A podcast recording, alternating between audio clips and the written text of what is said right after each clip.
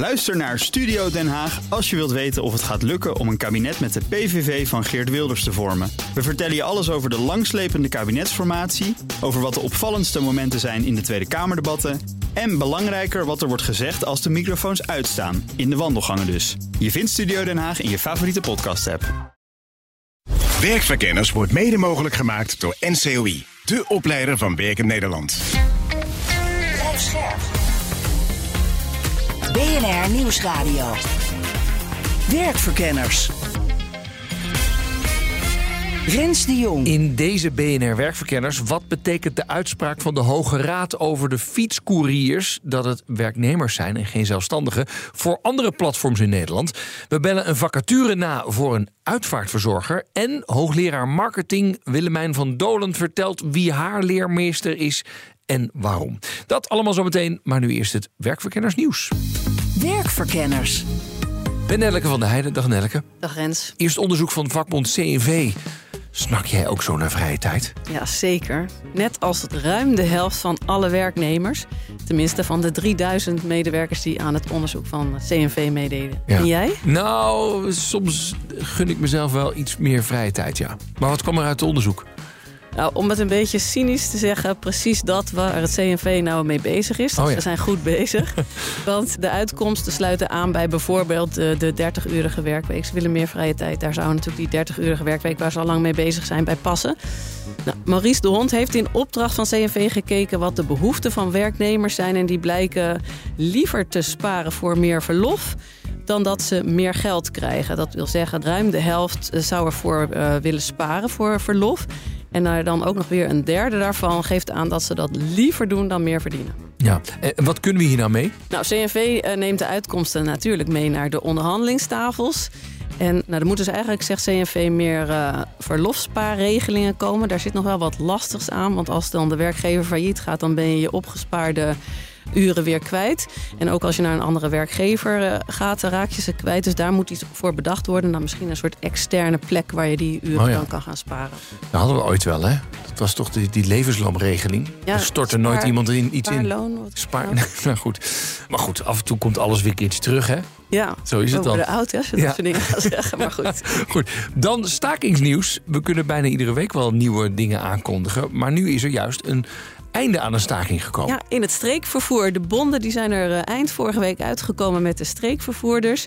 De medewerkers krijgen 15% loonsverhoging en een eenmalige uitkering van 1000 euro. En daarbij, dat sluit mooi aan bij het vorige onderwerp, gaan ze ook maatregelen treffen om de werkdruk te verlagen. Hm. En daarmee komt er wel eh, een einde aan een maandenlange ergernis door reizigers, toch? Ja, die kunnen eindelijk weer eh, met het OV naar hun werk of naar iets wat ze in hun vrije tijd graag willen doen. Precies. Dan nog cijfers over long covid. Ja, het UWV heeft in kaart gebracht dat 2610 mensen vorig jaar een WIA-uitkering hebben aangevraagd vanwege long-covid.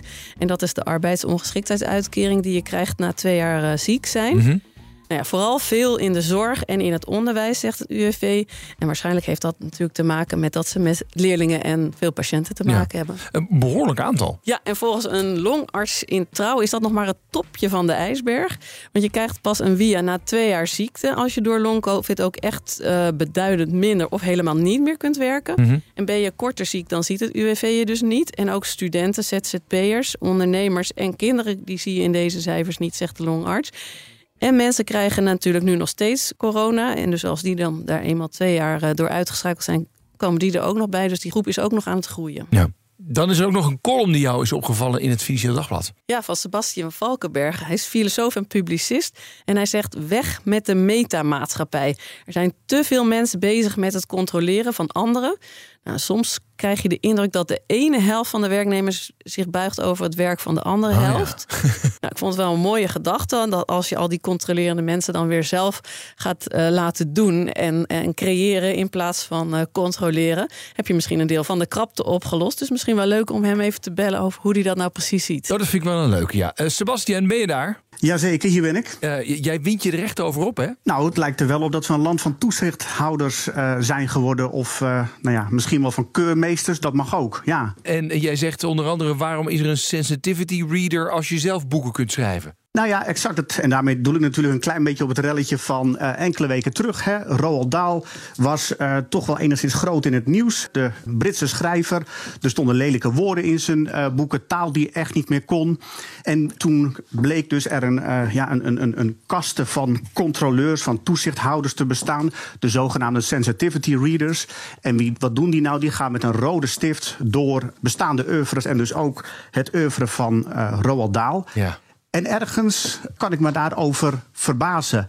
Ik vind het onwenselijk, maar daar gaat het me niet eens zozeer om. Ik vind het ook vooral verbazingwekkend. Waarom ga je niet zelf die boeken schrijven waarvan je denkt, ja, die ontbreken nu. Zo moet literatuur in elkaar zitten. Ik zal het eens even voordoen. Maar nee, in plaats daarvan pak je de rode viltstift en dan ga je bestaand werk lopen vonnissen, Ja. eh, keuren, controleren. En dat gebeurt, hè? Waarom word je onderwijsinspecteur en ga je niet zelf voor de klas staan? Nou ja, exact inderdaad. Kijk, ehm, die sensitivity reader is wat mij betreft een soort ja, metafoor voor deze tijd.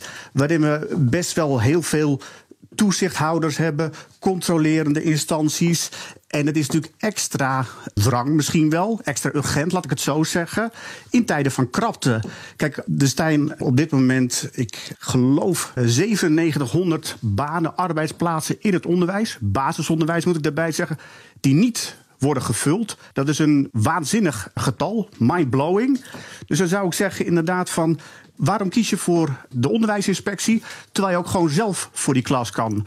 Uh, en dat betekent niet, natuurlijk moeten we kwaliteitseisen hebben. Natuurlijk moet je ook handhaven. En het is belangrijk om de kwaliteit van het onderwijs in de gaten te houden.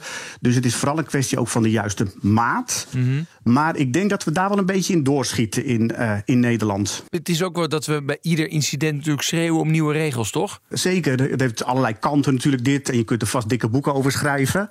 Maar het heeft denk ik ook wel ermee te maken dat we ook ja, misschien wel een soort veiligheidsobsessie hebben. We tolereren nou ja, nog slechts kleine uh, risico's. Banken, verzekeraars, financiële instellingen, ja, die weten niet waar ze de accountants vandaan moeten halen. Ze hebben een schreeuwende behoefte aan accountants. Hè? Mensen die de boeken controleren. En waarom? Omdat we Europa, Den Haag met elkaar hebben besloten dat er steeds meer, steeds strengere regels moeten komen voor financiële uh, instellingen. Op zichzelf. Nou, niet zo gek hoor, als je hè? kijkt naar die bankencrisis van een paar dagen geleden. Ik ben, ik ben blij dat we Ja, daar maar- toch bij die bu- buffers wel even gecontroleerd hebben of die er echt wel waren. Nou ja, kijk, het is volgens mij dus ook niet zozeer de vraag wel of geen regels, wel of geen eh, toezicht. Ik ben ook heel blij met de politie die een beetje eh, handhaaft op straat, zodat die wet niet alleen een papieren letter is. Dus het is meer een kwestie van eh, de juiste maat. We kunnen er ook in doorschieten. Ja. En die strenge regels, die hebben er ook uiteindelijk niet voor gezorgd dat de Silicon Valley Bank en Credit Suisse zijn, zijn komen te, te vallen. Dus ik denk inderdaad, we zouden ons die vraag best nog eens kunnen, kunnen stellen. Van wat tolereren we eigenlijk aan risico's? Moet je inderdaad echt elk risico willen afdekken? En dus weer een toezichthouder optuigen, weer een diversity officer die de diversity, diversiteit in een organisatie probeert eh, te checken. Ik denk dat we daar een beetje in doorschieten. Dus een oproep om eh, een beetje een adempauze in te lassen en een soort overdenking voordat we weer de volgende controleur aanstellen. Ja, inderdaad. We zijn een beetje een land van keurmeesters geworden. Laten we weer makers en doeners worden. Lijkt me een mooie oproep. Sebastian, dankjewel. Oké. Rens de Jong. En dan de themavraag van deze uitzending. Die draait om de uitspraak van de Hoge Raad in de zaak rond Deliveroo. De hoogste rechter bepaalde onlangs dat de fietscouriers van Deliveroo werknemers waren. Ja, wat betekent deze uitspraak voor andere platforms? Nou, platform Temper keek uit naar de uitspraak. Niet met angst en beven, maar wel met veel interesse natuurlijk. Omdat het ook een bedrijf is wat via internet dingen regelt. En waar veel jonge mensen een bewuste keuze maken om te gebruiken. En ook deze onderzoeker was erg benieuwd wat eruit kwam, maar raakte wel wat teleurgesteld. Het woord anticlimax is inderdaad gevallen. het zware woord anticlimax. Ja, wat zei de Hoge Raad nou eigenlijk in deze uitspraak? Dan is eigenlijk de kern van de uitspraak toch wezen gaat voor schijn. Wezen gaat voor schijn. Eh, Nou, dat mag ze zo meteen nog even uitleggen. Behalve deze Deliveroo-case zijn er vele zaken tussen vakbonden en platforms. Nou, voor advocaten geen probleem. Onze juristen smullen hiervan. Eh, dit dit is allemaal nieuw. Dat is jouw jurist, dus die betaal je ervoor om Ja. te smullen. En die van, de, en van, en die, van Ja. die beide vakbonden ook hoor. Maar toch vinden wij het wel welletjes. We gaan op zoek naar een manier om deze strijdbijl te begraven. Ja, ik denk dat ze de handen in elkaar moeten slaan. Wie? De bonden en de verschillende platformbedrijven. Oké, samen polderend tot een oplossing komen. Ach ja, waarom niet? Andere suggesties nog? Een oplossing is dat je een kader kan bieden dat leidend is in of iemand wel of niet een werknemer is. Ja. En dat dat kader ook gehandhaafd wordt. Werkverkenners. Eind maart deed de Hoge Raad uitspraak in de zaak van de FNV tegen Deliveroo. En de hoogste rechter oordeelde dat de fietscouriers werknemers waren. Nou, wat betekent deze uitspraak dan voor andere platformbedrijven? Met die vraag in gedachten werd er met veel belangstelling naar deze uitspraak uitgekeken. Mijn naam is Maartje Govaert. Ik ben eh, partner en hoofd van het eh, arbeidsrechtteam van Nauto Dutiel. En jij bent ook betrokken geweest bij deze case van eh, FNV tegen Deliveroo, hè? Ja, dat klopt. In het begin ben ik daarbij betrokken geweest namens Deliveroo. Ja, ik ben wel even benieuwd. De uitspraak van de Hoge Raad over deze platforms, die heb je natuurlijk met belangstelling bekeken, kan ik me zo voorstellen. Zeker, Ja. zeker. Vertel. Nou, in die zin brengt de Hoge Raad niet heel veel nieuws. Hè. Voor algemene regels die gevraagd zijn, verwijst de Hoge Raad naar de Nederlandse wetgever en de Europese wetgever. En dan is eigenlijk de kern van de uitspraak toch wezen gaat voor schijn. En dat kennen we al. Hè. Dat Sorry, is, wat is wezen gaat voor schijn? Ja, dat is het bekende. Als het eh, kwaakt als een eend en vliegt als een eend, dan kan je afspreken wat je wil, maar dan is het toch echt een eend. Ja. Dus dat is het idee. Nou, dat komt nu weer heel duidelijk terug. Wat wel nieuw is, is dat de Hoge Raad heel veel nadruk legt op het ondernemerschap. En ook aangeeft dat gekeken moet worden of degene die nou, ZZP'er is, zich ook naar buiten toe opstelt als eh, ondernemer. Dus acquireert, een reputatie verwerft, andere opdrachtgevers heeft. Nou, en dat, die nadruk daarop, dat is nieuw. Wat de Hoge Raad ook nog benadrukt, is dat je kan heel veel afspraken maken, zoals de vrije vervanging. Ook de bezorgers van Deliveroo konden zich vrij vervangen. Maar er moet heel strikt gekeken worden naar of dat nou in de praktijk ook echt bruikbaar is voor die ZZP'er. Dus eh, maakt hij er gebruik van, maar ook is het sowieso wel een nuttige afspraak voor die eh, ZZP'er. Ja, dus zegt de, de Hoge Raad, dit zijn eigenlijk gewoon medewerkers. Omdat het, het ziet eruit als een eend, het kwaakt als een eend, het vliegt als een eend. Het zijn medewerkers. Ja, dus het zijn toch werknemers, zegt de Hoge Raad. Ja. Zegt deze uitspraak ook iets over platforms in het algemeen? Of is het echt alleen maar de Deliveroo case? Nee, ik denk wel dat je. Eigenlijk zou je het zelfs nog breder kunnen trekken dan platformbedrijven alleen. Hè, dit zegt echt iets over hoe nu gekeken wordt naar een ZZP-overeenkomst en de uitwerking daarvan in de praktijk. Dus in die zin denk ik dat je aan de ene kant zou kunnen zeggen: het heeft geen directe impact. Maar aan de andere kant denk ik juist dat het een impact heeft die verder strekt dan alleen maar de platformbedrijven. Want ook zelfstandigen in andere sectoren, waaronder in omroepland, zouden met deze uitspraak in de hand natuurlijk wel duidelijk kunnen zeggen: zijn wij eigenlijk niet werknemers? De vraag is natuurlijk of dat zo'n vaart gaat lopen. Hè? Want nou ja, het is nog steeds eh, fiscaal gunstig ook om ZZP'er te zijn. Dus ik weet niet of dat zo'n vaart gaat lopen. Even voor mij, hè, want jij zegt aan de ene kant, het is eigenlijk wel breder te zien. Niet alleen de platforms, maar overal hoe je eigenlijk naar ZZP'ers zou moeten kijken. Aan de andere kant, je wil graag weten, wat zegt dit over andere platforms? Kun je daar met dit in de hand iets over zeggen? Ja, ik denk het wel. Je ziet wel dat sowieso het net om de zelfstandige ondernemer en dan denk ik nog specifiek eh, binnen platformbedrijven, dat net is zich echt wel aan het sluiten, zowel Europees als nou ja, in Nederland. En daar is dit ook weer een voorbeeld van. Hè. Dus er wordt echt wel heel streng getoetst. Omdat juist denk ik ook bij dit soort specifieke arbeid, hè, dus de maaltijdbezorgers, maar ook ander soort arbeid dat via platforms zeg maar wordt aangeboden, er dus echt wel op deze manier streng getoetst wordt. En dus je wel zou kunnen zeggen op basis van deze uitspraak dat het eigenlijk werknemers zijn. Nou, Nederlandse richtlijnen komen eraan, zijn er al een gedeelte. Er zijn ook Europese richtlijnen, twee begrijp ik. Wat is daar precies van belang? Nou, er is één um, Europese richtlijn die gaat meer over transparante arbeidsvoorwaarden. Daarvan is al heel duidelijk aangegeven en ook al geïmplementeerd in Nederland dat een verbod op nevenwerkzaamheden, dat dat eigenlijk niet zomaar meer mag. Nou, en eigenlijk wat je ziet bij deze uh, arbeid via platforms, dat het opgeknipte opdrachten zijn. En dus zie je dat een heleboel van deze, nou ja, de platformmedewerkers multijobben. Dus die, die zijn eigenlijk actief binnen verschillende platforms tegelijkertijd. hè? Dat hoeft niet eens via een platform te zijn, maar dat zie je wel vaak. Nou, en dat werd eerst heel erg gezien als je voor meerdere opdrachtgevers zou werken, hè, als een element van zelfstandig ondernemerschap. Ja, en daarvan wordt nu gezegd, ja, eigenlijk is dat niet zo, want het is heel heel gewoon, omdat ze maar zulke kleine opdrachten krijgen. ja. En omdat nu ook binnen de arbeidsovereenkomst dus eigenlijk eh, wordt aangegeven dat nevenwerkzaamheden wel degelijk mogen. En binnen die platformrichtlijn, hè, want er is nog een richtlijn, eh, dat is echt voor de platformmedewerkers. Daar wordt een rechtsvermoeden geïntroduceerd. Dus op het moment dat je een aantal criteria voldoet, bijvoorbeeld er is toezicht en dat kan ook elektronisch.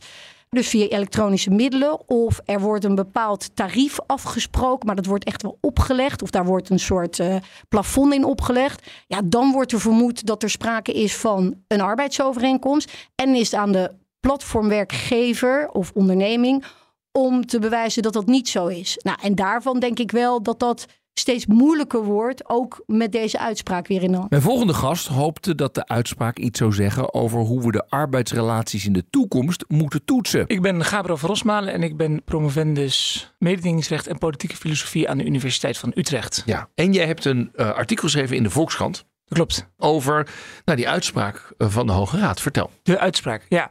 De lang verwachte uitspraak tegen Deliveroo, of in ieder geval waar Deliveroo de hoofdrolspeler bij was. En we hebben natuurlijk gezien dat de rechtbank en het gerechtshof eerder al bepaald hadden dat de bikers, de zogeheten bikers, eigenlijk werknemers zijn, dus niet zelfstandigen. En nu wordt uitgekeken naar de uitspraak. eh, niet alleen om te zien hoe Deliveroo eruit zou komen. Want Deliveroo heeft Nederland eigenlijk al verlaten. Dus voor hen is, eh, is het gevolg wat minder. Maar vooral ook eigenlijk voor de platformeconomie. Wat betekent dit nou eh, voor andere platformbedrijven? Wat betekent dit voor de gehele economie? Misschien ook voor de toekomst? En jij vond het een beetje teleurstellend als ik er zo naar kijk. Ja, en dat komt natuurlijk omdat iedereen eigenlijk aan het kijken was: gaat nou die Hoge Raad een positie innemen van een rechtsvormende taak? Hè? De Hoge Raad kan natuurlijk als laatste rechter, als hoogste rechter van ons land, kan die op een gegeven moment zeggen: Nou, dit kan eigenlijk een nieuw juridisch kader worden waarop we deze eh, arbeidsrelatie moeten gaan toetsen. En dat heeft dit onderwerp ook nodig. Want we zien natuurlijk dat die digitale economie die verandert eigenlijk zo snel. Dat we moeten daar ook nieuwe soort maatregelen voor hebben. Nieuwe juridische maatregelen. En dat was eigenlijk de reden dat ieder naar eh hooggespannen naar uitkeek. Alleen daarvan zouden we kunnen zeggen dat is een beetje uitgebleven. Want waar is dat uitgebleven? Er is toch een duidelijke uitspraak geweest. Het is dus vaak een werknemer. Nou, Exact. eh, Voor mij als leek denk ik, nou, heldere Ja. uitspraak. Exact. Nou, en ik ga natuurlijk niet, Rens, ik ga je niet vervelen met hier de precieze tekst eh, die ik hier voor me heb van, de, van het arrest. Maar één ding is interessant. Er staat op een gegeven moment in het arrest staat of een overeenkomst moet aan worden gemerkt. Dat een arbeidsovereenkomst hangt af van, en daar komt die, eh, alle omstandigheden van het geval. Nou, en voor de juridische eh, luisteraar onder ons is dat een klein beetje een dooddoener. Want dan weet je al wel, er worden wat dingen meegegeven. Hè, dus de Hoograad noemt ook wat aspecten waar je op kan letten. Maar eigenlijk moeten we bij de volgende zaak weer al die aspecten in oogschouw nemen. En dan opnieuw gaan bepalen van, goh, als we dit nou allemaal weten, eh, zou er dan sprake zijn van een arbeidsovereenkomst. En, en welke n- noemt de Hoge Raad nog extra? Of, eh, Ja, nou ja, ze zeggen hier, kijk, het hangt onder meer. Hè, dus het zou er zelfs nog meer kunnen zijn. Maar bijvoorbeeld de inbedding van het werk, degene die het verricht, in hoeverre je een onderneming bent, eh, de verplichting, het contractuele beding. Weet je, er zijn allerlei dingen en die worden ook getoetst. Ja. En die zijn met name door het Hof eigenlijk al uitgewerkt. Hè, dus bijvoorbeeld dat je je eigen bedra- bedrag niet kan vaststellen. Of dat je GPS-locatie wordt getrackt. Allemaal dat soort dingen. En als je die dan weegt, dan zou je kunnen zeggen... ja, eigenlijk is hier wel sprake van een arbeidsovereenkomst. Dus dat is waar. Maar het betekent niet meteen dat we nu kunnen zeggen... oké, dit is een duidelijk kader... waarlangs we de andere activiteiten van die digitale platforms kunnen leggen. Ja. En dat is ook wat ik geschreven heb in dat stuk. Ja. Want die Hoge Raad zegt dus op een gegeven moment... nou, we hebben al die omstandigheden van het geval... En dan verwijzen ze op een gegeven moment, zeggen ze, de Hoge Raad ziet op dit moment geen aanleiding voor rechtsontwikkeling. Dus dat is eigenlijk het creëren van zo'n nieuw kader. Ja. Omdat dit onderwerp de aandacht heeft van de Nederlandse en de Europese wetgeving. Ja, ja, dus eigenlijk zegt de Hoge Raad: ik wil hier niet op de stoel van Exact. de wetgever gaan zitten. Exact. Mevrouw van Gennep, komt Ja. zelf maar met Ja, iets. of nog beter in mijn geval, Ja. de Europese Unie. Ja. want dat was jouw punt, hè? Ja. Van ga dit nou niet in Nederland alleen op regelen, maar doe dit nou Europees breed. Waarom eigenlijk? Nou, kijk, dus eind 2021 is er een richtlijn voor verschenen, of in ieder geval een eh proposal, zo noem je het, een voorstel van een richtlijn. Eh, dus die moet nog geïmplementeerd worden en nog eh, aangenomen worden. En het Nederlands kabinet is daar natuurlijk heel van op de hoogte. Want je moet wel zorgen dat onze regelgeving, onze wetgeving Hm. weer past binnen het Europees rechtelijke kader. En even voor mij, wat is er in 2021 eh, door de Europese Unie Ja, aangenomen? dus de commissie heeft Commissie. in eind 2021 een voorstel gedaan voor een richtlijn. En daarin zeggen zij eigenlijk, we hebben vijf criteria die we geven. En als er aan twee van die criteria, één daarvan is bijvoorbeeld de hoogte van een vergoeding, of je die zelf wel of niet kan bepalen. Als er aan twee wordt voldaan, dan is er een vermoeden van een arbeidsovereenkomst. Mhm. En dat vermoeden kan dan wel tegengewerkt worden, maar dat moet dan vanuit het digitaal platform gebeuren. Ja. Dus die geeft eigenlijk zo'n kader in hoeverre eh, je kan bepalen of je wel of niet jouw ZZP'ers eigenlijk in dienst zou moeten nemen. Maar die richtlijn die ligt nog voor. Dus de commissie, even een lastig Europees rechtelijk dingetje, die heeft hem naar buiten gebracht. Het Europees Parlement is daar vervolgens overheen gegaan. Dat heeft net als alles bij deze dingen heel lang geduurd. Dus een jaar later, een maand geleden, in februari, is hij aangenomen door het Europees Parlement. Een soort herziene versie. En nu ligt hij weer bij de Raad. En dat zijn dus alle lidstaten. Dus nu moeten alle lidstaten, of in ieder geval de delegaties, dus de ministers, Ja. Moeten dus nu besluiten of die richtlijn aangenomen gaat worden. Wat zou dan het voordeel zijn van de platformmedewerkers dat het dan Europees geregeld is? Ja, Want hier in Amsterdam iemand die voor, eh, weet ik veel, Just Eat gaat werken, die gaat niet straks in Brussel ook daar nog een dienstje rijden. Dus dat maakt daar niet zo heel veel uit. Nee, dat is waar. Dus je zou kunnen zeggen, stel dat Nederland gelijktijdig met een soortgelijke maatregel komt, dan is het in Nederland opgelost. Ja. En dan zijn degenen die hier aan het werk is, is eruit. Ja. Maar we zitten met 27 lidstaten en met een iets grotere bril op, is dat nog niet overal in alle lidstaten zo goed geregeld. Mhm. En dan zou het fijn zijn als de EU, en ook noodzakelijk als de EU dus met een antwoord komt. Hè? Het probleem is natuurlijk in die zin wel Europees, dat die digitale platforms opereren op Europees niveau. Dus je zit in alle landen. En het heeft niet zoveel zin dat als wij hier zeggen, oh ze zijn eigenlijk eh, werknemers, dat Deliveroo dan vervolgens uit dit land gaat om ergens naar een ander land te gaan, om daar hetzelfde proces op te zetten. Ja. Dus dan zou je kunnen zeggen, op een Europees vraagstuk dient ook een Europese oplossing te komen. Omdat die werkgevers, die platformen zo mobiel kunnen zijn. Exact. Ja, ja. En omdat ze ook op zulke hoge schaal natuurlijk opereren. En ook de andere platformbedrijven keken met interesse uit naar de uitspraak. Mijn naam is Niels Arns. Ik ben een van de oprichters van Temper. En Temper is een digitaal prikbord voor flexibele bijverdieners. Dus dat zijn mensen die graag eh, naast studie, naast ander werk, naast eh, ouderschap, zorg, pensioen iets willen bijverdienen. Ja. Met angst en beven uitgekeken naar de uitspraak van de Hoge Raad in de Deliveroo-case. Nee, niet met angst en beven. Ik denk dat die, eh, die uitspraak van de, de Hoge Raad in de Deliveroo-zaak enkel en alleen iets zegt over Deliveroo. Ja. Temper is heel anders dan Deliveroo. Ja, maar was je er bang voor dat ze juist wel iets zouden zeggen over alle platforms? Nee, nee, niet echt. Nee. Voor zover ik me erin verdiept heb als ondernemer, ik ben zeker geen jurist, is dat de Hoge Raad er heel gebalanceerd naar kijkt. En dat hebben ze in deze ook gedaan. Ja, ze hebben gezegd, nou ja, je- er zijn een aantal regels waarop je kunt kijken of iemand ondernemer is of niet. Eh, en, en, we hebben hiernaar gekeken. En in dit geval is het een werknemer. In het specifieke geval van Deliveroo is dat hun oordeel geweest, ja. Ja. En nogmaals, Deliveroo werkt op zoveel punten anders dan Temper. Temper is een digitaal prikbord. Mhm. En de mensen die Temper gebruiken, die kunnen kiezen uit allerlei klussen. Er wordt snel gesproken over de platformeconomie. En dan kan ik me ook wel voorstellen dat je zegt, ja, maar het ene platform is het andere platform niet. Nee, dat klopt. Ja, heb ik, al, heb ik wel een beetje moeite mee, Rens. Ik vind het, eh, het is een containerbegrip geworden en het is heel makkelijk. En ik begrijp ook dat veel mensen eh, denken dat het ene platform het andere platform is. Maar ik maak onderscheid tussen twee categorieën platforms. Je hebt de algoritme gedreven platforms, waarbij een algoritme zegt, hey Rens, dit is de klus, zo ga je me uitvoeren en succes. Zoals Deliveroo.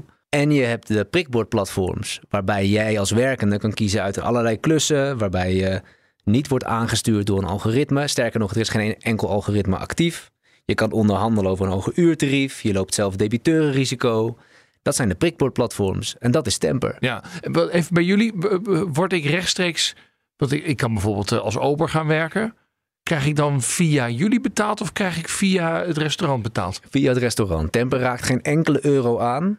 Dus nee, ja, wij, wij staan daar helemaal buiten. Wij zijn een digitaal prikbord. En jij als, als werkende hebt de mogelijkheid om een eh, klus te vinden bij een restaurant of een, een winkel of whatever. Het is niet dat jullie zonder rechtszaken zitten, want volgens mij heeft de FNV ook nog bij jullie iets aangespannen wat ook de komende maanden gaat spelen. Ja, dat klopt. Ja, dus de grote machtige vakbonden FNV en CNV. Wij zijn overigens het enige bedrijf, platformbedrijf, waar ook CNV bij betrokken is. Geen idee hoe dat komt, zou je ze eigenlijk een keer moeten vragen. Maar dat klopt inderdaad. Die zaak is aangespannen. Het is wel een hele andersoortige zaak. Ja, want Dus- daar gaat het over of jullie niet onder de uitzend-CAO vallen. Of jullie niet gewoon een uitzendbureau zijn.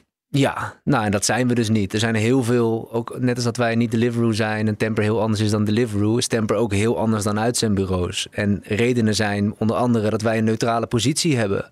Wij worden door niemand aan het werk gezet, door geen enkel bedrijf, om mensen te gaan zoeken. Wij leven en laten leven. Dus als een werkende vandaag standen eraf wil werken en morgen ook, en vervolgens drie weken op vakantie wil, dan is dat zijn goed recht. Dat is die vrijheid en flexibiliteit die zij zo belangrijk vinden. Ja, wat, wat vind je ervan dat je dan wel door uh, de bonden wordt aangeklaagd? Nou, ik vind het heel treurig. Ik vind het jammer, want we hebben een, wij zijn het enige Nederlandse platform geweest, het Nederlandse bedrijf geweest, wat een samenwerking heeft gehad met een Nederlandse vakbond. We hebben twee jaar lang met de FNV Horecabond samengewerkt. Er zijn hele mooie dingen uitgekomen. We hebben onder andere onze voorwaarden aangepast.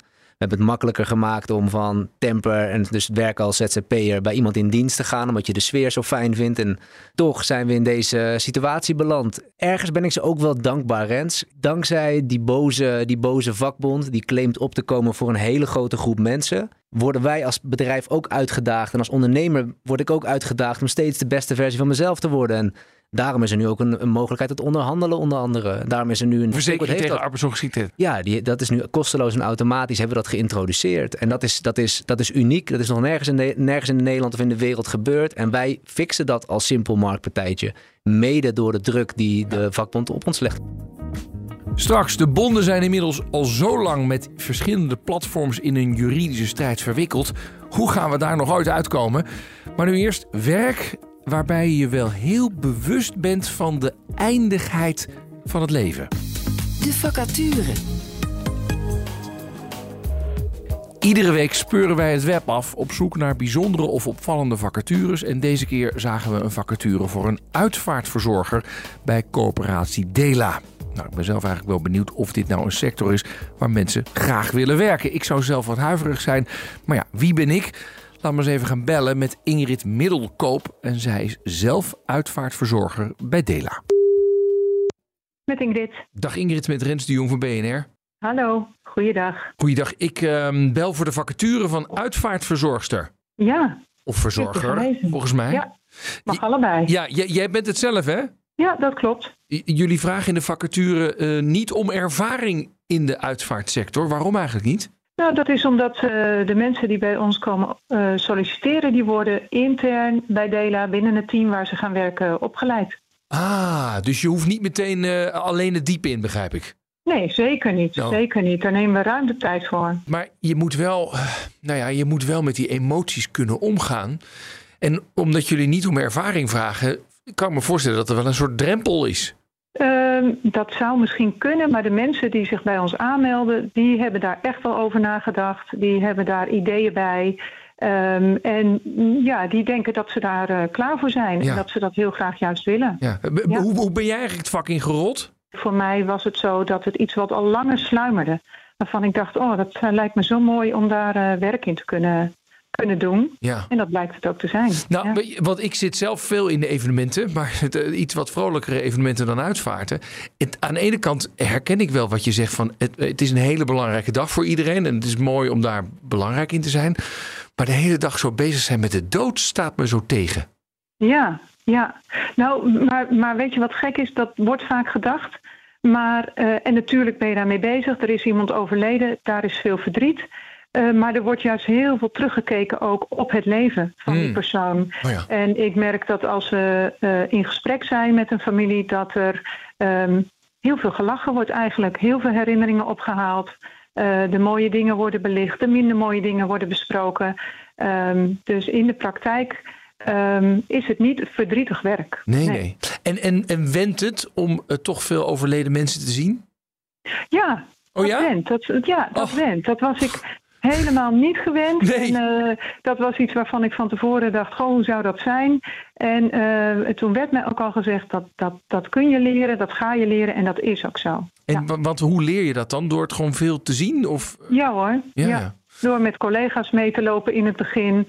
Uh, door, um, als je die hebt, langzamerhand de schroom te overwinnen. De een heeft dat wat meer dan de ander. En uiteindelijk zien we dat iedereen dat leert. Ja. ja. Meteen een contract voor onbepaalde tijd? Ja, Waarom mooi, doen jullie dat? Ja, dat, dat, dat doen we vanuit uh, Dela. Die uh, stelt echt vertrouwen in de mensen die uiteindelijk worden aangenomen. Uh, en dan is het uh, van, nou, dan, dan betekent dat dat op het moment dat je de selectieprocedure door bent, en die is voor uitvaartverzorger echt wel intensief, dan geloven we erin dat, uh, ja, dat we dat kunnen aanbieden. Komen de reacties al binnen of niet? Zeker hoor, ja, ja, absoluut. En we hebben in heel veel regio's in Nederland vacatures. Uh, dus dat betekent dat er uh, ja, voor heel veel mensen uh, plekken zijn. Ja, dus als deze weg is, dan kun je altijd weer even kijken of er nog een ander is. Ja, Goed ja absoluut. Goed. Nou, dankjewel en succes met je werk. Ja, hartelijk bedankt. Hoi. Rens de Jong. Nou, genoeg werk dus in de uitvaartbranche. Terug naar de themavraag. Er lopen allerlei rechtszaken tussen platforms en bonden. En de recente uitspraak van de Hoge Raad heeft helaas niet voor eens en altijd duidelijkheid gegeven. Is iemand die werkt voor een platform een werknemer of een ZZP'er? Want het hangt af van de situatie en het platform. Dus wat moet er dan wel gebeuren om van die eindeloze juridische strijd af te komen? Arbeidsrechtadvocaat Maartje Govaert snapt in ieder geval wel dat de Hoge Raad alleen maar iets over Deliveroo kon zeggen. Want het ene platform is echt het andere niet. Bovendien wordt ook altijd gezegd. De platforms die passen hun model ook aan. Dat kunnen ze doen door te draaien aan een paar knoppen. En dan is het weer allemaal anders. Ja, wat zou nu eigenlijk de strijdbel echt doen begraven? Nou, dat weet je natuurlijk nooit, maar ja, ik denk dat je gewoon, en dan okay. zou je per sector denk ik moeten kijken. Er zijn ook vakbonden en platformbedrijven die daar open voor staan. En dan zou je echt een specifieke sociaal akkoord, dus een CAO, moeten overeenkomen. Die aan de ene kant dus voldoet aan die wens voor bescherming en het mm -hmm. bijdragen aan onze ja, sociale stelsel. Maar aan de andere kant ook tegemoet komt aan de gewenste flexibiliteit. Kijk, en als je, als je dat kan bewerkstelligen, dan hou je het in de hand. Dan heb je ook iets wat tailor-made is. In plaats van dat er nu weer ja, vanuit de wetgever iets wordt opgelegd wat uiteindelijk ook niet passend is. En hoe realistisch is het dat er zoiets gaat komen? Nou, het mooie is dat in Frankrijk, waar de bonden nou niet echt bekend staan om hun uh, welwillendheid. Ja, ja, welwillendheid, ja. Daar um, uh, hebben ze al samen zoiets gesloten. Dat is helaas niet door het kabinet gekomen. Maar in Spanje hebben ze ook een sociaal akkoord gesloten. En dat is wel door het kabinet gekomen. Dus er zijn al voorbeelden in andere landen waar deze discussie natuurlijk ook speelt. En ook al bij de rechter is voorgelegd. Waar dit wel is gelukt. In Nederland zie je ook weer van de andere kant een beweging. En dat is namelijk de mogelijkheid voor ZZP'ers om zelf collectief te uh, onderhandelen. Dus dan, dan wordt verwacht dat zij eigenlijk de handen in elkaar staan. En dat ze naar de opdrachtgevers gaan en zeggen: Ja, wij willen eigenlijk een sociaal minimumtarief voor onze opdrachten. Mm -hmm. En de ACM, die heeft een. De Autoriteit jaar... Consumentenmarkt, hè? Ja, inderdaad. Die heeft uh, begin dit jaar een leidraad zeg maar, gepubliceerd. Waarin overigens de maaltijdbezorger ook expliciet wordt genoemd. Hè, naast nog een heleboel andere. Waarin ze zeggen: ja, wij staan er toe dat onder deze voorwaarden zelfstandig ondernemers met elkaar daarover onderhandelen. Want eigenlijk mogen ondernemers natuurlijk geen prijsafspraken met elkaar maken, want dat zou kartelvorming zijn. Precies. Maar hier wordt daar dus een uitzondering op gemaakt op Precies. deze ondernemers tussen aanhalingstekens. Ja, dus ja. dat zou een oplossing kunnen zijn. Ik, ik hoor alweer degene die kritisch zijn zeggen: ja, maar kan je nou verwachten van deze zelfstandige ondernemers um, dat zij dat inderdaad gaan doen? Nou ja, het zou zomaar kunnen. Dus uh, ik sluit dat niet uit. Ja, en anders is het inderdaad wachten op de Nederlandse wetgever. Die heeft aangekondigd dat in uh, deze zomer een wetsvoorstel komt. Uh, daarbij komt dan de gewenste duidelijkheid tussen de werknemer en de ZZP'er. De wetgever die ziet dat heel erg op basis van drie elementen. Dus die zegt, ja, je moet kijken naar materieel gezag, de inbedding in de organisatie en dat ondernemerschap. En er wordt een rechtsvermoeden geïntroduceerd waarschijnlijk, waarbij wordt gezegd bij een bepaald tarief hè, of daaronder is er gewoon een vermoeden dat het een arbeidsovereenkomst is. En, en dat, daarboven is het dan sowieso niet? Of hoe ja, werkt zoiets? Dat is nog niet helemaal helder. Okay. Uh, maar in ieder geval daaronder en daarop. En het tarief dat laatst genoemd is, is 35 euro. Dan is het in ieder geval het vermoeden dat het wel zo is. Ja. Uh, wat niet wil zeggen, denk ik per se, dat als het erboven is, dat het dan per definitie een zelfstandig ondernemen is. Dus of die duidelijkheid er echt komt met de nieuwe wet, dat is nog wel even de vraag.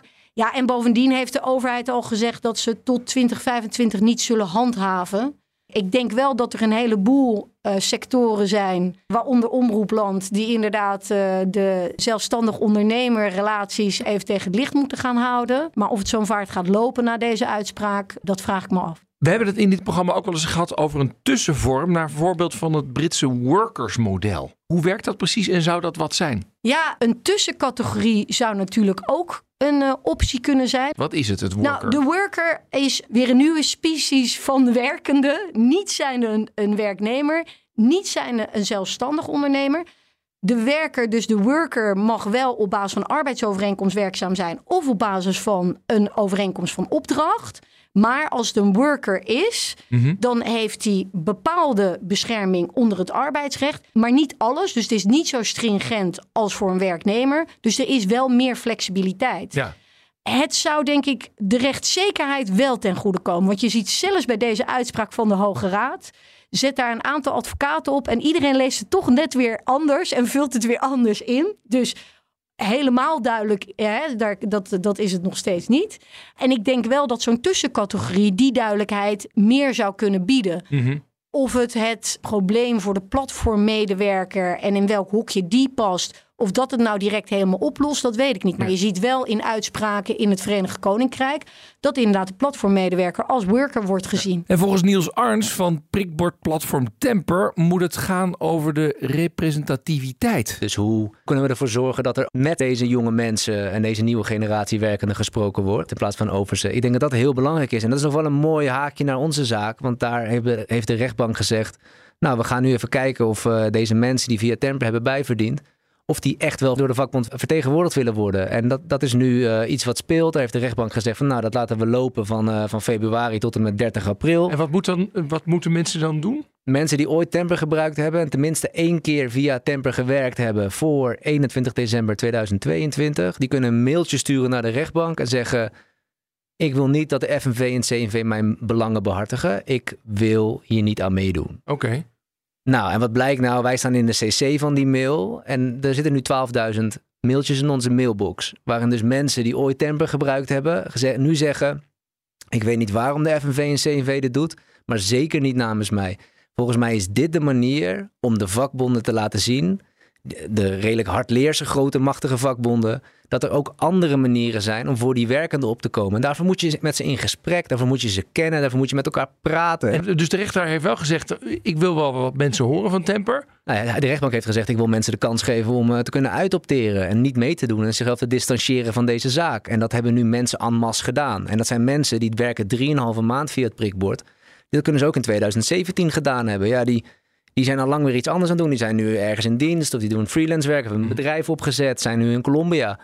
En toch hebben die mensen ervoor gekozen om een mailtje te sturen. Vind ik mooi. Jij hebt ook wel eens een keertje eerder gezegd van het, arbeidsrecht is eh, met de optie werknemer of ondernemer niet echt meer toegespitst op de arbeidsmarkt van vandaag. Onderbouw dat is. Nou ja, ik zie dat die mensen die nu als ZZP'er via Temper werken en via dat digitale prikbord bijverdienen, dat, dat doen ze dus als ondernemer. En ik ben helemaal niet per se gebonden aan het, het, het vakje ondernemen. Maar ik zie wel dat dat de minst slechte werkvorm is. En dat, eh, deze sluit het beste aan bij die vrijheid en flexibiliteit die deze mensen zoeken in werk. Commissie Borstlap zegt eigenlijk zelfs de werkrelatie, gewoon de arbeidsrelatie, een contract, biedt ook heel veel flexibiliteit. En dicht juist die onderkant, namelijk als het even misgaat met je, dicht het beter af. Dus ga nou in dat vaste contract zitten, want ook daar kun je heel flexibel in opereren. Ja, dat is wel mooi. Want toevallig hebben Hans Borslap en ik een, eh, een debat gehad eh, eind december, dus 2022 in de Bali. En daarin gaf hij ook aan, en ik heb het op video staan, dat hij deze manier van werken gemist heeft. En deze trend gemist heeft. Dat het eigenlijk recht zou doen aan een vierde rijbaan.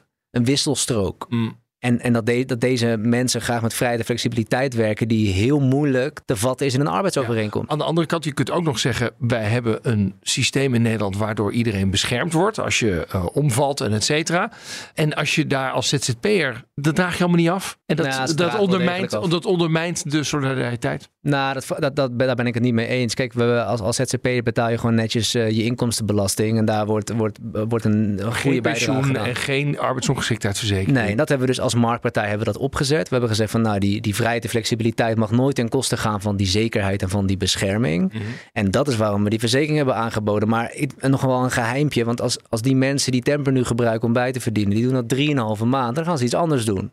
Als die mensen op precies dezelfde manier als een uitzendkracht zouden werken, nou, via een arbeidsovereenkomst, dan zouden ze wel 8% van de loonsom afdragen aan WW, dus aan sociale zekerheid.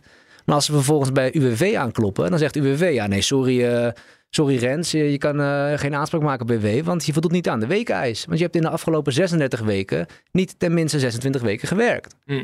En dan zeg ik, dan maak je er een schijnzekerheid verhaal van. Want dan ga je wel afdragen, maar je kan er nooit aanspraak op maken. En dat kan ik niet uitleggen aan die duizenden mensen die temper gebruiken. Dat vind ik heel moeilijk. Denk je dat het ooit tot een CAO zal komen?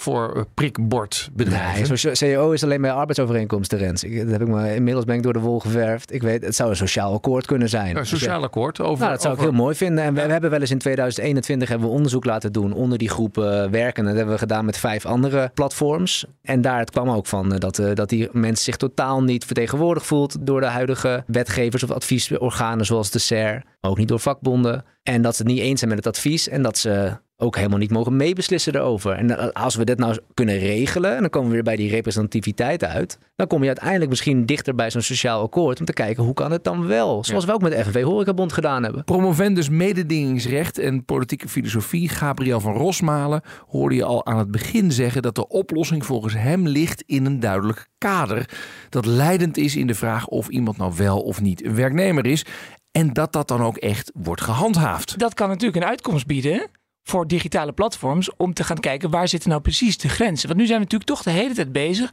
om grenzen op te zoeken van wat wettelijk toelaatbaar is. En dat komt, zoals we net ook gezien hebben in die uitspraak, omdat die grenzen nog niet helemaal duidelijk vastgelegd zijn. Maar goed, eh, als je stel je voor je legt grenzen heel duidelijk vast, Ja. dan eh, hoe dichter je bij die grens komt, hoe vager het vaak weer wordt, toch? Dat is waar. En dan gaan Ja. we toch wel gewoon weer door uh, miezen muizen. Ja, dat is waar. Dat is natuurlijk eigen aan het juridisch systeem. Dat er altijd enige ruimte blijft voor redelijkheid, billijkheid, wendbaarheid, noem allemaal maar op. Ja. Maar het zou wel helpen om eh, bijvoorbeeld vanuit de EU hè, zo'n aanname te doen. Stel je gaat, spreekt over zo'n rechtsvermoeden. Dan heb je echt wel een andere werkelijkheid dan dat we nu zien. We zien nu dat die werknemers, die moeten zich eigenlijk verenigen. Die moeten inderdaad, in dit geval bij monden van FNV, dit aan gaan vechten. Mhm. Dat is natuurlijk een heel andere situatie dan als je zegt, als jij aan twee van de vijf voorwaarden voldoet, zoals in die Europese richtlijn staat, dan ben je in principe een werknemer. En dan is het aan het digitale platform om dat te ontkennen. Dat is natuurlijk echt wel een ander soort dynamiek. En dat levert ook wel minder strijd op dan. Want dan is het vervolgens aan het digitale platform om te gaan doen. In plaats van aan de werknemers of aan in dit geval aan de vakbond om dat aan te vechten. En je zegt zo'n rechtsvermoeden, even voor de niet-juristen, dan staat het er tenminste. Dan hoef je niet eh, je eigen recht te gaan halen. Precies, exact. Dus dan moeten zij dat gaan ontkennen. Dan is de bewijslast, zo, zo gezegd, ligt dan bij het digitale platform. En nu is dat andersom. Ja. Ik denk dat er steeds meer platforms gaan komen, denk jij? Ja, dat denk ik ook. En ik denk dat het ook voor een deel ook heel logisch is, gezien de rol die technologie gaat spelen in ons leven en in onze arbeidsmarkt. Ja. Maar moeten we dan elke keer proberen wetgeving te maken zodat je die platforms onmogelijk maakt? Nee, nee, helemaal niet. Want, Nee. bijvoorbeeld de Helpling, hè, dat Ja. was dat schoonmakersbedrijf. Daar werd gezegd door de rechter, uiteindelijk jullie zijn gewoon een uitzendbureau. Ja. Kon het businessmodel niet uit. Bedrijf failliet, schoonmakers allemaal weer in zwarte wat dienst. is de winst daar? Ja. Ja, dit, die vraag krijg ik heel veel. En dat is een hele lastige vraag om te beantwoorden. Kijk, voor een heel groot deel is het goed dat we de werknemers die nu onbeschermd zijn en in een precaire positie zitten, beschermen via de voordelen die komen bij een arbeidsrelatie. Mhm. Tegelijkertijd is er een deel dat, en daar hebben jullie in jullie podcast ook veel aandacht aan besteed, die wel eigenlijk zo'n derde soort categorie willen zijn. Nou, en dat is nog wel een opdracht, maar dat is een veel kleiner gedeelte. Maar dat is wel een opdracht. Hoe kan nou het juridische systeem adequaat reageren op zo'n nieuwe groep? Want wat we zien is eigenlijk, er ontstaat iets in de samenleving. Nou, een, een soort nieuwe disruptieve technologie. En we hebben een bestaand juridisch kader. En we willen toch zo die ontwikkelingen, willen we een soort proppen in het al bestaande kader. Ja. En voor deel is dat goed. Voor een deel moeten we daar nieuwe termen voor verzinnen. Voor een deel moeten we nieuwe richtlijnen komen. En voor deel zou je ook kunnen afvragen: hey, hoe zitten we nou eigenlijk met die derde groep? Mhm. De mensen die wel zelfstandig willen zijn, maar ook beschermd dienen te worden. Ja. Niet via een werknemersrelatie. Nou, dat is een vraag die ik graag nog even openlaat. Ja. Even een ander ding nog, mededinging. ja, Eh, dus, dus jouw terrein is dat. dat is mijn. Ik zit hier eigenlijk op totaal Ja. onbekend terrein. Ja, precies. Maar het punt is dat die platformwerkers, die konden, begreep ik, tot voor kort niet echt gezamenlijk onderhandelen over hun prijs. Ja. Daar is verandering in Ja. gekomen. Zeker, dat is een heel interessant en eigenlijk een beetje een onderbelicht thema. Wat je ziet is dat, en dat hebben we natuurlijk hebben we het over, die platformwerkers die waren of die zijn dan nog gedeeltelijk zelfstandigen. Mhm. Wat betekent dat vanuit het mededingingsrecht, we spraken nu de hele tijd over het arbeidsrecht, maar vanuit het mededingingsrecht zijn dat dan eigenlijk ondernemingen opeens. Want je bent geen werknemer, Ja. dus zal je wel onderneming zijn. Dus heb je eigenlijk hetzelfde soort mal, hè? dat je zo die twee categorieën hebt. En wat gebeurt er als ondernemingen met elkaar prijsafspraken maken? Kartelvorming. Kartelvorming. Ja. Dus wat je ziet is dat je eigenlijk individuele ondernemingen hebt die met elkaar een afspraak willen maken over hun loon, wat we eigenlijk normaal een vakbond zouden noemen. En dan door het uh, een kartel is gezien. Ja, en dat is nu, begrijp ik, de ACM heeft daar eh, duidelijkheid over gegeven. Klopt. Eh, van je mag, als je fietscourier bent, mag je wel afspraken maken als groep. Ja, en sterker nog, ze, zijn eigenlijk, ze gaan ze nog verder. Want de Europese Commissie heeft naast de richtlijn ten aanzien van het platformwerk, dus die arbeidsomstandigheden, Mhm. hebben ze ook zogenaamde guidelines gedaan. Dus die zijn iets minder bindend, maar die zijn wel ja, een soort, eh, geven een soort richting. En daarin hebben ze gezegd: mensen die eh, zelfstandig zijn, mogen eigenlijk tot op grote hoogte met elkaar samenwerken over hun prijsafspraken. Hm. En dat is dus niet alleen digitale platforms, dat kan zelfs ook voor andere zelfstandigen hoe, hoe zit dat met coöperaties? Kunnen, we, kunnen daar ook eh, zelfstandigen weer samenwerken en dus bijvoorbeeld ook weer weerbaarder zijn? Ja, dat, dat, is, dat hoor je dus nu vaker. En dat is een heel interessant onderwerp van hoe zit het nou met die coöperaties? Omdat je ziet, ook politiek gezien heel interessant, eigenlijk die platformwerkers. Als je het even bekijkt vanuit een soort politieke bril, dan zie je dat dat allemaal individuele agenten zijn die met elkaar concurreren. Hè? Dus het is een totale doorgevoerde marktwerking dat een individu eigenlijk zijn arbeid verkoopt en concurreert met een andere. Dus het gaat totaal over competitie. Ja. En een ander model, echt een andere politieke waarde die er tegenover staat, is solidariteit en coöperatie. En dat zie je dus dat nu steeds meer wordt gezocht. Van zouden we niet inderdaad die digitale platforms kunnen behouden, zoals jij eerder ook aangaf, want dat is toch de toekomst. Maar dan kunnen werken met coöperaties waar werknemers veel meer te zeggen hebben over de richting van het bedrijf. Ja. In plaats van dat ze eigenlijk op een bepaalde manier uitgebuit worden van bovenaf. Dan zijn zij ook de eigenaar van de, het platform. Ja, dat zou kunnen. Dus, dat je, Oh, ja. dus dan verdien je ook echt aan de arbeid die je geeft. En dan kan je zelf ook meebeslissen over de koers van het platform. Sommige coöperaties kunnen zelfs zo ver gaan. Vooralsnog is dat gedeeltelijk op papier. Maar dat ze zeggen, oh, we zouden eigenlijk ook de users of de consumers deel moeten gaan uitmaken van zo'n coöperatie. Want ja, die zijn toch ook een soort betrokken partijen. Weet je wel, let's include everybody. We maken gewoon een grote coöperatie hiervan. Want ja, misschien zijn er wel externe ne- negatieve effecten voor de samenleving. En die willen we eigenlijk ook laten horen. Nou, conclusie over deze platformvraag. De uitspraak van de Hoge Raad over couriers van Deliveroo is te specifiek om alle onduidelijkheid bij andere platforms weg te nemen. Ja, dus hoe kunnen we nou die strijdbijl tussen de bonden en de platforms een keer begraven? Nou, beide partijen zouden met elkaar om de tafel moeten gaan zitten om tot een sociaal akkoord te komen waarin bescherming en flexibiliteit gewaarborgd zijn. En dat is echt mogelijk. Dat laten ook andere landen zien. Toch nog duidelijkere regels die bovendien worden gehandhaafd, zouden ook nog een oplossing kunnen zijn. En de tussenvariant van workers, tussen werknemers en zelfstandige ondernemers, verdient het wel om verder te worden uitgezocht. De leermeester. Laatste onderdeel van deze uitzending, de leermeester. Eh, Wie zorgde er nou bij jou voor een kantelpunt in je carrière? Wie gaf je een inzicht dat je denkt, nou dat neem ik mijn hele leven mee? Deze keer bellen we met de leermeester van Willemijn van Dolen, hoogleraar marketing aan de Universiteit van Amsterdam. Dag Willemijn. Wie is jouw leermeester Willemijn? Nou, mijn leermeester is Mark Hommes. En in de tijd dat hij mijn leermeester was, was dat nog Marion Hommes. En, wa- en waar hebben jullie elkaar leren kennen? Eh, op de Universiteit eh, van Groningen, of Rijksuniversiteit Groningen moet ik zeggen. Eh, ik was student en eh, hij zocht een studentassistent voor een project. En eh, zo kennen we elkaar. Ja, ja. Nou, laten we eens even gaan bellen. Ja, hallo, Mark Hommers. Dag Mark, met Rens de Jong van BNR Nieuwsradio. Hallo. Ehm, ik bel voor de rubriek De Leermeester. Want jij bent Oh. aangewezen als eh, iemands leermeester. Oh, wat leuk. Ja. Dat meen je. Ja. Oh. Eh, enig idee wie dat zou kunnen zijn? Eh, Nee, ja, ik ben universitair docent, dus Ja. ik, ik leid heel veel mensen op. Ja, dat is, dat is natuurlijk waar, ja. Ja, ja, Ja. ja. ja, Nou, la- Ja. la- laten we eens even kijken wie, wie, wie er aan de andere kant van de lijn zit. Nou. Ja, zeg het maar. Hey Mark, eh, Willemijn van Dolen. Hé hey, Willemijn, wat leuk. dat is lang geleden. Wat, hoe lang Dat geleden is lang dit? Geleden. Ja, hoe lang geleden is dit? Nou, Willemijn, dat weet jij beter dan ik, denk ik. Nou, dat is eh, meer dan 25 jaar geleden. Zo, ja. Maar Mark, wat, wat, Ja. wat weet je nog van Willemijn? Wat, wat, wat was het dat jullie ja. connectie zo goed maakte?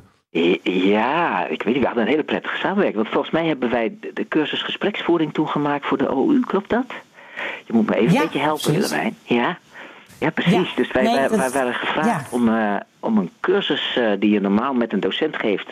om die nu geschikt te maken voor de Open Universiteit. Dus met veel thuisdingen erin. En we hebben daarin fantastisch samengewerkt. We hadden steeds, volgens mij per week was er dan weer iets af. En eh, je was heel gemotiveerd.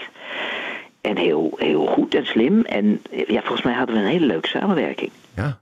ja. Willemijn, wat is, Ja. bij jou, wat is er bij jou bijgebleven aan het eh, samenwerken met Mark eh, eh, en, en toen nog eh, Marion? Nou, ten, ten eerste was het juist omdat het ook inhoudelijk heel erg eh, leuk was om samen te werken. eh, heeft het me absoluut geïnspireerd en mijn ogen geopend van ah, je kunt ook echt onderwijs ontwikkelen en creëren.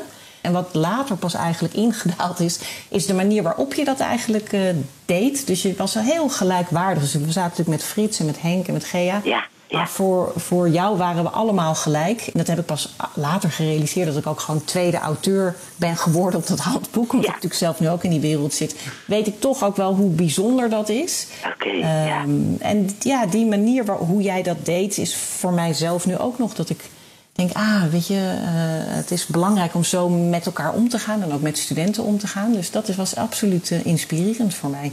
Nou ja, wat leuk. Ja, ik heb me dat nooit zo gerealiseerd dat ik daar anders in was dan wat andere mensen doen. Maar ik vind het wel heel leuk om te horen. Ja. En en Willemijn, je bent nu zelf hoogleraar. Neem je daar dan weer dingen uit- uit mee? Uit die tijd? Zeker. Ik heb ook een oog voor studenten die eh, eh, ja, graag mee willen werken, maar ook in de manier waarop je ze te woord staat. Eh, dat heb ik absoluut meegenomen eh, in hoe ik het nu zelf ook probeer te doen. Ja. Mark, daar nog iets aan toe te voegen? Nee, ik ben flabbergasted, Ja, joh. Dat jij ik dat, hoor ja. Nee, ik vind het ontzettend leuk om te horen. En, en, en, en ik, zit, ik zit me terug te denken van, hoe deed ik dat dan? Maar ja, ik, doe het natuurlijk, ik deed het zoals ik het altijd doe, waarschijnlijk. En dan valt je dat ook niet meer op. Maar ik vind het, Willemijn, ik vind het wel fantastisch. eh, eh, ja, ik had, eh, ik had geen idee dat dat op zo'n manier heeft doorgewerkt. Dus ik vind het wel heel leuk om te horen. Goed zo. Nou, mooi om dat even te horen. En ik vind het altijd belangrijk dat we dat ook uitspreken in het leven. Hè, Ja. daarom is deze rubriek er. Oh, fantastisch. Ja? Ja? Ja, dat doen we veel te weinig. Dat doen we veel te weinig. Dat doen we veel te weinig. Precies, zo is het. Goed, Mark Willemijn, dankjewel. Fantastisch. Oké. Dag. Doeg. Dit was Werkverkenners voor deze week. Volgende week dan krijg je weer een verse op dinsdag om drie uur. En komt dat niet uit? Nou ja, je weet het hè. In je favoriete podcast-app kun je hem op ieder moment terugluisteren. Productie en redactie Nelke van der Heijden, Emma Somsum. Mijn naam is Rens de Jong. Tot de volgende keer. Dag. Werkverkenners wordt mede mogelijk gemaakt door NCOI, de opleider van Werken Nederland.